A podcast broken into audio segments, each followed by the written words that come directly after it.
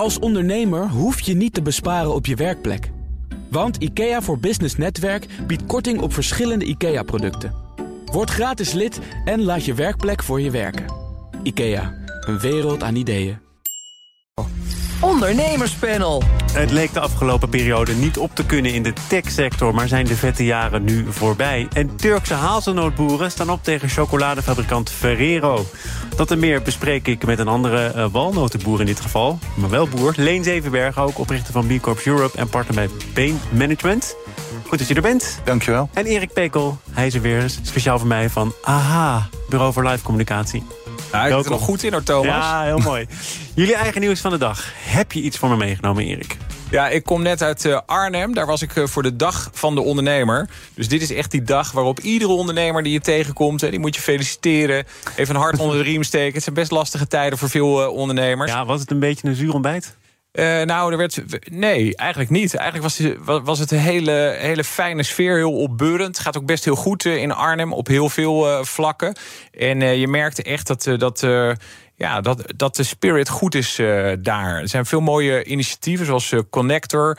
een nieuwe regio-deal hebben ze net ingediend. er gebeurt heel erg veel. En nu was de uitdaging om tijdens dat ontbijt te bespreken... ook met de wethouder van... Uh, hoe gaan we dit momentum vasthouden en samen uh, ook verder uh, doorpakken? Weet je, dat dat ondernemersklimaat nog beter wordt. En ik denk eigenlijk dat dat de winst is van, nog van deze beter, dag. Het ondernemersklimaat staat niet onder druk. Hè? Dat zijn natuurlijk geluiden die je ook veel hoort. Dat ondernemers er inderdaad weinig fiducie meer in hebben. Niet willen investeren of niet kunnen investeren. Aan steeds meer regels moeten voldoen. Dat is allemaal niet zo ter tafel gekomen. Ja, natuurlijk wel. En ook uh, natuurlijk het arbeidstekort. Hè. Daar gaan we het straks uh, ook uh, over hebben. De ontslagen die vallen in de techsector. Nou, ik denk mensen die weer beschikbaar komen... die zijn in heel veel sectoren. Die worden met open armen echt naar binnen gesleurd. Hey Erik, je, hebt, je, hebt helemaal, geen, je hebt helemaal geen, op je Colbert. Mijn vorige gast was ambassadeur van de Dag van de Ondernemer. Nou, jij bent er ook heel erg bij betrokken blijkbaar. Waar is je speldje of ja, je feest, neus, waar, het maar. Waar ik was, daar waren geen speldjes. En uh, toen ik vanochtend wakker werd, uh, toen kreeg ik ook uh, geen bloemen. En ik heb ook geen dankbetuigingen nog ontvangen van mijn medewerkers. niet van mijn zakenrelaties of van mijn klanten. nou, dus wat dat betreft is het een schrale dag van de ondernemer. Maar straks ga ik het echt vieren. Luisteraars, bel hem, app hem, hij vereenzaamt bijna. Ehm, wat is jouw nieuwsleen? Het nieuws van mij van de dag, eigenlijk het nieuws van de week... of het nieuws van de afgelopen twee weken... wat net ook op het journaal werd meegedeeld is de COP, de Conference of Parties in Egypte. En uh, er zijn een paar mensen van mijn bedrijf naartoe geweest en dat is eigenlijk mislukt. De sfeer was mat, uh, ongeïnspireerd. Het niveau van mensen was uh, voornamelijk niet-ondernemers. En dat terwijl ondernemers vaak de changemakers moeten zijn van de toekomst, die zien business. En dat uh, nou ja, geen vooruitgang wordt er geboekt. Uh, hij is nu ook verlengd, volgens mij, met een dag of ja, twee dagen. Is het niet vaak zo toch dat het venijn dan in de staart zit? Hè? ja. Want Europa komt nu toch een beetje over de brug met een klimaatfonds. Ja, of maar er is, er is een heleboel. Er zijn in elke kop komt iedereen op het laatst over de brug. En dan is de centrale vraag: wat gebeurt er dan ook daadwerkelijk? Er is 100 miljard per jaar uh, geboden om de minder ontwikkelde landen te helpen om de schadelijke gevolgen van klimaatverandering tegen te gaan. En daar komt eigenlijk niks van terecht. Het geld komt niet uh, los. Um, uh, het geld wordt niet afgegeven. De mensen die komen, komen hun beloftes niet na. En nu is zelfs alweer aangekondigd de COP28. Uh, dat vond ik helemaal opzienbarend. En waar gaat die plaatsvinden? In een van de landen ter wereld die het het slechtst doet... Op het gebied van de Earth Overshoot Day... dus die eigenlijk het slechtst met het klimaat omgaat, Abu Dhabi. En dat is de Emiraten. Dus, het lijkt bijna, dacht ik wel eens, het Songfestival... waar uh, geboden wordt om de COP 28 gaan, gaan medewerkers van jouw bedrijf daar vermoedelijk dan toch ook nog weer heen? Of ben je je geloof kwijtgeraakt? Nou, het is. Uh, het, Ja? het ik, geloof niet zo erg in de, uh, in de slagvaardigheid van de mensen die naar die kops komen. Nee, maar ja, goed, ja, je hebt er zelf ook een delegatie naartoe gestuurd, blijkbaar. Ja, ja, ja, zeker. Omdat er wel een heel netwerk aanwezig is van mensen waar ik wel bij betrokken wil blijven. Dus het is niet zo dat ik het nou per se wil loslaten. Maar is dat, uh, Leden, is dat ook niet de toegevoegde waarde? Dat dit ook juist een beetje de deadline is... waar ook uh, deals die al zijn voorbereid aan, aangekondigd kunnen worden. Hè? Zoals die 2% extra die Europa wil uh, doen. Als deze deadline, als deze kop er niet was geweest... Ja, dan was het misschien een half jaar Nee, ja, later dat is- of een jaar later pas. eh, Ja, dat is fijn dat je dat zegt, Erik. Want het is een positieve benadering van misschien iets wat misschien niet helemaal goed gelukt is. Maar het is wat zou er gebeurd zijn als het er niet was geweest? Dan kan je natuurlijk afvragen, was er dan helemaal niks gebeurd? Er wordt zelfs nu eh, een, moet er een eindverklaring worden getekend. En er weigeren een hoop landen mee te tekenen, omdat ze niet willen dat we eh, die anderhalve graad opwarming vermelden. Terwijl we eigenlijk weten met z'n allen dat we op de 2,8 graden zitten. Dus je zou zeggen, nou, dan kunnen we makkelijk voor de 1,5 tekenen. Alleen hebben we niet een eh, nieuwe El Gore nodig. Iemand die op dat keukentrapje klimt en ons de ogen weer eh, opent. Dat is al wel weer een tijd geleden, dat, dat moment van die confrontatie. Ja, nou ja, je noemt confrontatie en El Gore, dat is een persoon en een confrontatie. Ik denk altijd dat wij als mensheid toch wel behoorlijk in staat zijn om te bewegen als zich een confrontatie voordoet. Dat zag je ook bij COVID. Dan kunnen we ineens als mensen heel slagvaardig optreden. Maar de confrontatie is hier blijkbaar niet hard genoeg, niet groot genoeg. We gaan het over de confrontatie met met name de stijgende rente hebben... voor eh, de Amerikaanse en de Nederlandse techsector. Om maar te beginnen in Amerika. Daar werd al duidelijk dat Meta 11.000 banen schrapt. Twitter, nou, daar ben ik de tel ongeveer van kwijt. En dat eh, heeft ook maar voortdurend nieuwe hoofdstukken. Vandaag ook weer één grote chaos. Maar ook in Nederland lijken de vette jaren voorbij. Grote Nederlandse bedrijven als SendCloud en MessageBird... zetten deze maand nog het mes in de organisatie. Erik, om, om daar maar mee te beginnen. Ik noem dat nu in één zin. Amerika Nederland. Is de situatie enigszins te vergelijken? Zij het op een andere schaal? Nou, het is heel goed eh, te vergelijken. Want eh, wat er natuurlijk speelt, is dat die rente omhoog is geschoten. En dat heeft meteen impact op de waardering van eh, eh, technologiebedrijven. Want daar kijk je vooral naar wat het verdienpotentieel is in de toekomst. En wanneer je dat terugrekent, met een hoge rente blijft daar minder van over. Dus de waarde van die bedrijven voor investeerders is lager. En dan gaan ze natuurlijk kijken van hoe lang kunnen we het dan nog uitzingen met wat we nu binnen hebben gehaald aan eh, kapitaal. En dat betekent dat je al snel in je grootste kostenpost mensen moet gaan snijden. En voor de mensen die dat aangaat, is het natuurlijk heel erg. Je noemde net 11.000 man bij eh, Meta eruit. Maar vergeet niet dat die bedrijven ook hele goede jaren achter de rug hebben met eh, de hele lage rente. Ja, die hebben 40.000 mensen aangenomen de afgelopen Ja. anderhalf jaar. En bij Amazon gaat het dan om 10, 11.000 mensen. Maar daar werken in totaal meer dan eh, anderhalf miljoen mensen. Dus daarvan zou je nog kunnen zeggen dat is de stofkam. Dat is niet een dan- stevige reorganisatie. Maar als je het zo ziet, is het eigenlijk een kleine correctie. Hè? Is het eigenlijk, nou ja, een kleine correctie misschien niet, maar een correctie. En dan is het helemaal niet zo slecht, denk ik. Als je wil innoveren, als je wil ontwikkelen, dan is het belangrijk dat je ook je focus vasthoudt. Dus dan heb je niet alleen nodig, maar heb- je ook wel dalen nodig. Want die dwingen je om keuzes eh, te maken. En als je geen keuzes eh, maakt, en, en dat zit hem niet in, in de keuzes tussen mensen, hè, maar in de keuzes van eh, activiteiten, van features die je bijvoorbeeld wilt toevoegen. Als je alles doet, dan wordt het niet altijd per se beter van. Als je heel veel mensen aan het werk hebt, dan wordt je oplossing, dat wat je biedt, niet per se heel veel eh, beter. En dit helpt natuurlijk wel om te kiezen van wat is voor ons het onderscheidend vermogen? Wat is voor ons en voor onze klanten de weg vooruit? En dat Nee, kan ook jij met hebt minder. eh, Ja. in deze Ja, wat- techsector zelf ook die vette en die magere jaren meegemaakt. Waar Ja, zijn we nu? Meerdere malen zelfs. Hè? Dus het is eigenlijk een golfbeweging die, eh, die aan kon, eh, bijna kon voorspellen. Dus het is eh, los nog van de rentestijging en dat soort zaken. Maar wat Erik net zegt is wel interessant. Want eh, bij Twitter schijnt het zo te zijn. Daar hebben ze dan de helft van de mede- medewerkers ontslagen. Maar op dit moment weten ze blijkbaar niet meer zo goed wie er nog wel en wie er niet werkt. Nou, dan wordt het echt een robbeltje, denk ik. En, eh, maar dat zegt ook wat over wat jij net zei, Erik. Dat toch draait Twitter door. Dus hé, hey, hey, hoe kan het dat ze ineens met 3700 medewerkers minder nog steeds doordraaien? Maar zou Ja, hetzelfde ook kunnen gelden voor wat kleinere bedrijven in Ook. Nederland? Hè? Ja, Cent, totdat eh, je natuurlijk geen Centraal, medewerker... bijvoorbeeld, Maar, maar ik wou toch nog een kanttekening bij maken, eh, Thomas. En dat is dat, eh, als je kijkt naar... Kijk, we hebben het over de techsector. En eh, dan hebben we het bijvoorbeeld over gorilla's. Nou, dat zijn flitsbezorgers. Dat zijn mensen die zitten op een fiets. Die kunnen verder niks anders dan op een fiets rijden. Of ze studeren nog. Weet ik veel wat ze doen. Dat vind ik niet de techsector. Je wil een afbakening. Ja, ik had Nou ja, helaas ook zelf de, nog de niet mensen die genoemd bij om het Twitter te zitten te pro- programmeren, die, eh, daar maak ik me eigenlijk niet zoveel zorgen over. Want ik denk dat eh, er is nog zo'n tekort aan. dan praat ik ook over mijn eigen bedrijf, waar we altijd een tekort hebben aan mensen, goede mensen dan. Dus als goede mensen ontslagen worden die echt een tech-achtergrond hebben, daar maak ik me niet zoveel zorgen over. En eigenlijk ook, als je praat over gorilla's en gorilla's stopt en al die mensen verliezen hun baantje als eh, fietser, zullen we maar zeggen, dan kunnen die bij wijze van spreken aan de slag bij de Schiphol. Maar, maar om toch, koffers toch even naar de, de stabiliteit of de basis waarop een, een deel van die bedrijven dan gebouwd is of kon groeien. Hè? De Ja. rente gaat omhoog. Dat betekent dat de waardering anders loopt, dat de winsten onder druk komen te staan, dat investeerders dat toch eens wat kritischer gaan bekijken. Ja, maar ho, ho. Is, is het niet allemaal heel wankel? Ja, nee, dat is, het hangt er een beetje vanaf. Als jij natuurlijk een investeerder hebt die in jouw eh, eigen vermogen heeft gegeven, dus laten we zeggen een aandeel heeft gekocht in jouw bedrijf, dan heb je eigenlijk niet zoveel te maken met die rente.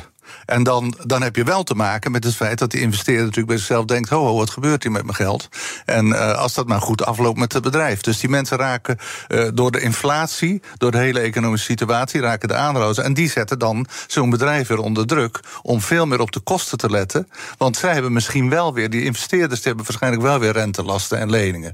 Dus je moet altijd goed nadenken: waar komt nou die druk van die rentelasten vandaan? Waar, want die komt waarschijnlijk niet van die techbedrijven zelf, maar van hun klanten en van hun investeerders. Ja. En die gaan daarin ingrijpen. En dan, ja, dan gaan bedrijven zich ineens wat netter gedragen. Wat helemaal niet zo erg hoeft te zijn, wat Erik zei. Want er zit, eh, denk ik, behoorlijk wat vet op de Maar pot. het, het zou natuurlijk kunnen zijn dat je geld eh, opraakt. Hè? Wat je net al schetste. Precies. Je moet eh, langer doen met hetzelfde geld. Terwijl je van plan was om te gaan groeien en je ambities waar te maken. Maar dit is, gezien wat er nu gebeurt, niet het moment om nog eens te komen met een goede investeringsronde. Ja, en dat geldt natuurlijk niet zozeer voor die hele grote bedrijven die jij net noemde, Thomas, maar meer voor de bedrijven die nu nog geen geld eh, verdienen of nog maar net break-even eh, draaien, maar die een enorm potentieel eh, hebben in de toekomst. En eh, ja, die werden vroeger echt afgerekend op hun, eh, eh, hoe heet dat ook weer, je burning. Burn rate. je rate. burn Het moet rate. snel op. Dus je moest zoveel mogelijk uitgeven Ja. en dan was je echt lekker bezig. Nou, dat is natuurlijk een vol- volslagen idioot. Nou, hoezo? En- dat hebben we tot een paar maanden geleden allemaal volgehouden. Dat was toch een soort ondernemersadagium? Ja, maar ik vind Ja, het dus heel gezond ja. dat je nu zegt van nou, ik heb zoveel eh, kapitaal. eh, ik wil zo snel mogelijk geld gaan verdienen. Dus mijn oplossing moet wel zo goed zijn dat mensen er ook geld voor over hebben. Eh, maar dat je dat wel doet op zo'n manier dat je niet eh, nodeloos geld aan het verbranden bent. En als je dan dus weet van we hebben zo'n pot met geld. En je weet, we hebben zoveel mensen. En dan is het er in twee jaar doorheen. Terwijl we willen heel graag eh, vijf jaar de tijd nemen. Nou, dan, dan, dan moet je dus eh, ongeveer de helft kwijt. Ik zat namelijk te denken, alleen misschien weet jij dat wel. Bij Twitter, die 7500 man, wat doen die in vredesnaam? Ja. Ja, nou ja, ik weet niet precies wat ze individueel allemaal doen. Maar blijkbaar, wat ik net zei, kunnen ze met de helft ook nog doordraaien. En, dat, en wat je in. Ik ben net twee weken in Silicon Valley geweest. En daar proef je eigenlijk dit niet. Snap je? Er is totaal geen paniek gaande. Er is totaal eh, geen tekort aan geld. Bijna een overschot aan geld en een tekort aan goede ideeën. Dus het is een. eh, daar is de discussie, wat me heel erg opviel, is misschien wel leuk om te noemen. Discussie in Silicon Valley is tussen good tech en bad tech. Wie is nou bad tech? Facebook bijvoorbeeld en Twitter vinden ze bad tech en good tech. En wie werkt waar? En dat is ook weer een soort polarisatie die je tegenwoordig in alles ziet. Maar het, eh, ik maak me eigenlijk niet zo heel veel zorgen over die. dat, dat, laten we zeggen, het kosten terugdringen een beetje en een beetje netter ondernemen. Netter ondernemen. Kan dat ook in Turkije als je in de hazelnoten zit? Daar gaan we het over hebben. BNR Nieuwsradio. Zaken doen. Thomas van Zeil. Erik Pekel en Leen Zevenbergen zijn mijn gasten in het ondernemerspanel. De Turkse mededingingsautoriteit stelt een onderzoek in naar chocoladefabrikant Ferrero, bekend van de chocolaatjes, en van Nutella. Het Italiaanse bedrijf zou Turkse hazelnootboeren veel te weinig betalen voor hun producten en daarmee een monopolie creëren. Zometeen naar eh, de notenspecialist hier aan tafel, zij het de walnoten. Eh, maar Erik, als jij dit eh, zo ziet, wat gebeurt hier dan? Want er werken duizend mensen van Ferrero in Turkije, al decennia lang. En zelf zegt Ferrero, we hebben eigenlijk geen banden met die boeren. We kopen niet direct in, zelfs niet via via. Maar ze hebben wel ongelooflijk veel eh, macht en ze beheersen echt wel als een monopolist eh, die, die, hele, die hele keten daar, eh, alle hazelnotenboertjes in Turkije. En het is gigantisch, hè, want het is echt een mega gebied in Turkije van Istanbul langs de Zwarte Zee loopt dat helemaal. En eh, ik dacht, ik, ik sla er nog eens een artikel op na uit de, de Groene. Want dat zag ik eh, voorbij komen. De Groene Amsterdammer van afgelopen augustus. En dat was een heel kritisch eh, stuk waarin ze zeiden van ja. Nutella, Ferrero, uh, heeft. Er worden 330, 330.000 ton Nutella wordt er per dag geconsumeerd. En daardoor hebben ze echt een onstilbare honger, die, die fabriek, naar hazelnoten. Er moeten noten in, echt van alle kanten. Het een tekort, hè? Ja, en, zeker. En nou, nou, waren ze al niet zo heel enthousiast over. Ze hebben, Turkije hebben ze heel hard nodig. Maar de kwaliteit daar vinden ze eigenlijk nog niet eens goed genoeg. Dus nu is er een heel ja, ook politiek gesteund eh, plan om bijna heel Italië te gaan bedekken met uh, hazelnoten. Het is echt, als je het, het, artikel leest, denk je: wow, wat, wat gebeurt er allemaal? Want die familie Ferrero die is dus echt wel uh, oppermachtig in, in Italië, omdat ze zo'n groot succes hebben wereldwijd. Hè. Niet alleen Nutella, ook Ferrero en de kinderei. En ze hebben van alles gekocht ook. Maar in dat stuk wordt beweerd dat uh, Turkije het echt zozeer uit handen heeft gegeven. Dus de politiek van Turkije, dat onder Erdogan.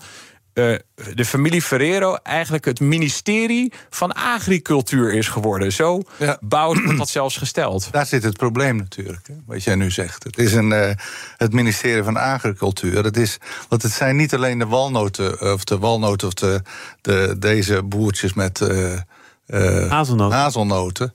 Die, maar je hebt eigenlijk alle noten, die boeren die zo behandeld worden. Dat zijn allemaal kleine boertjes, die uh, net zoals ik uh, 100 of 200 of 300 of 1000 boompjes hebben.